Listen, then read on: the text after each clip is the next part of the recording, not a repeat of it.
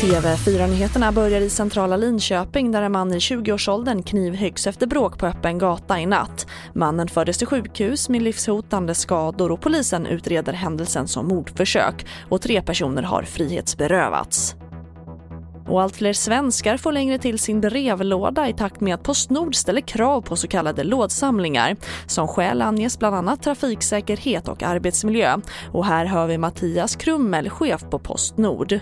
Till syvende och sist är det så att man inte är beredd att tillmötesgå oss och våra behov för att skapa rätt förutsättningar och rätt arbetsmiljö, då tyvärr går vi hela vägen, inför ett temporärt utdelningsstopp och sedan får man hämta posten eh, på sitt företagscenter.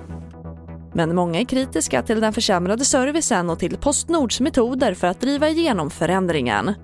Det här är ju ett elände för det ställer ju till mot de gamla och sjuka i området också. Eh, och när man hotar att dra in en samhällstjänst. Och där hörde vi Börje Krom, ordförande på Stommens samfällighetsförening. Och närmaste medarbetaren till USAs vicepresident Mike Pence, hans stabschef, har testats positivt för covid-19.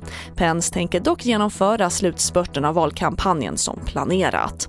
TV4-nyheterna, jag heter Charlotte Hemgren.